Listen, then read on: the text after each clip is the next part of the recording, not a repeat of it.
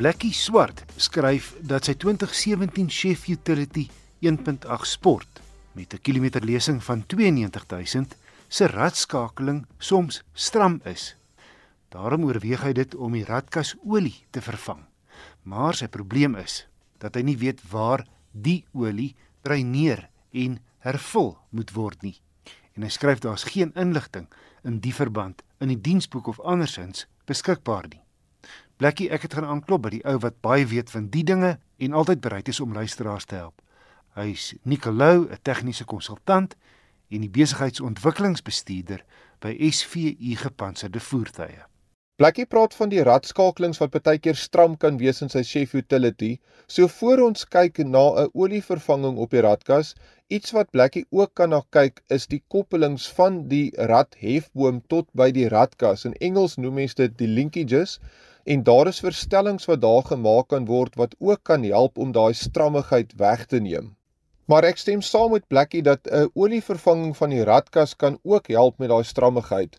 'n Mens kan baie keer vergeet dat jou radkas se olie ook vervang moet word en die diensinterval is gewoonlik so hier by 'n 100 000 km, maar maak net seker met jou vervaardiger met die spesifieke model voertuig wat jy bestuur, wat is die diensinterval vir die radkas olie?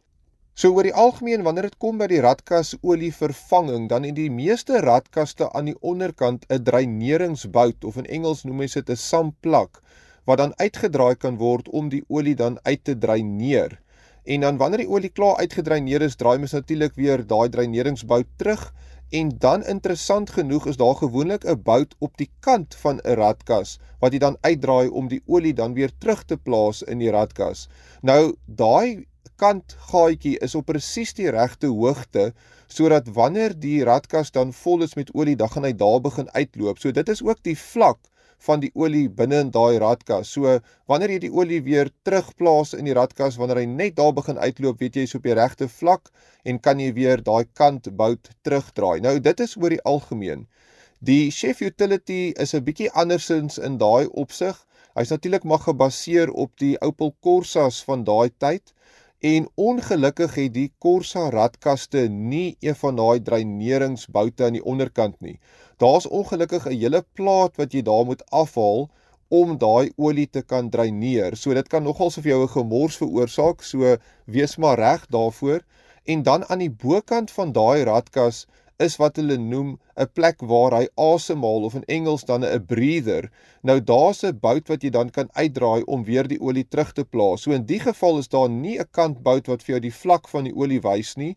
En wat jy dan moet doen is jy moet die regte hoeveelheid olie ingooi. So dis beste is om dit voor die tyd af te meet en dan daai asemhalingsbout uit te draai en dan van bo af presies die regte hoeveelheid olie in te gooi, dan weet jy jy's op die regte pad. En dan skryf Nick Oukamp dat sy 2016 Volkswagen Tiguan met net meer as 94000 km agter die blad se enjinliggies aankom. Die handelaar het na toetse gesê dis die turbo aanjaar en dat dit bykans R50000 sal kos om te vervang.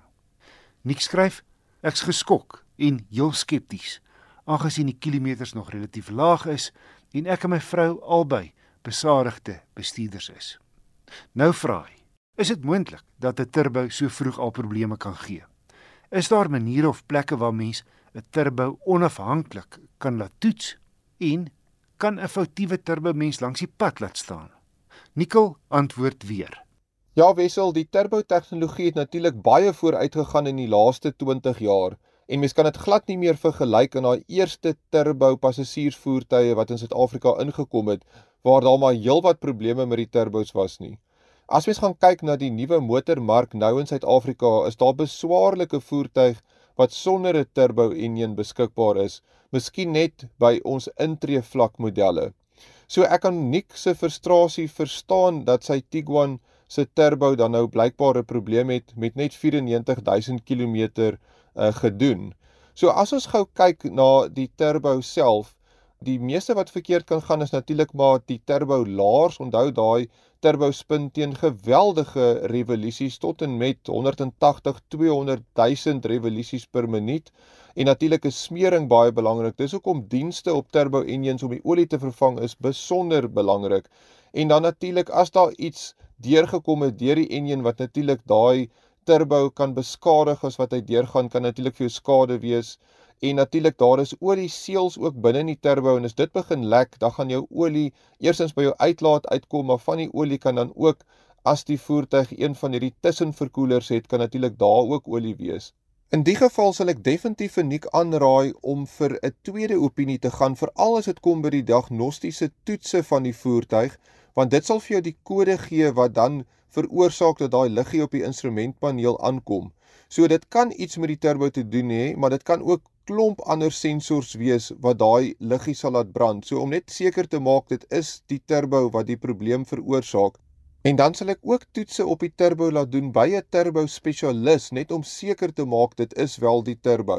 En as mens hierdie turbo spesialiste gebruik, kan mens baie keer baie goedkoper wegkom as die handelaar as dit kom by turbo vervanging van 'n voertuig wat buite waarborg is. Nicolou, 'n tegniese konsultant en die besigheidsontwikkelingsbestuurder by SVU gepantserde voertuie. Nuus in die SVU stal is dat Mercedes-Benz Suid-Afrika nou met SVE Engineering saamwerk om 'n gepantserde V-klas luukse minibus te bied. Motornavraag kan aan my ge-e-pos word. My adres is wissel@rsg.co.za.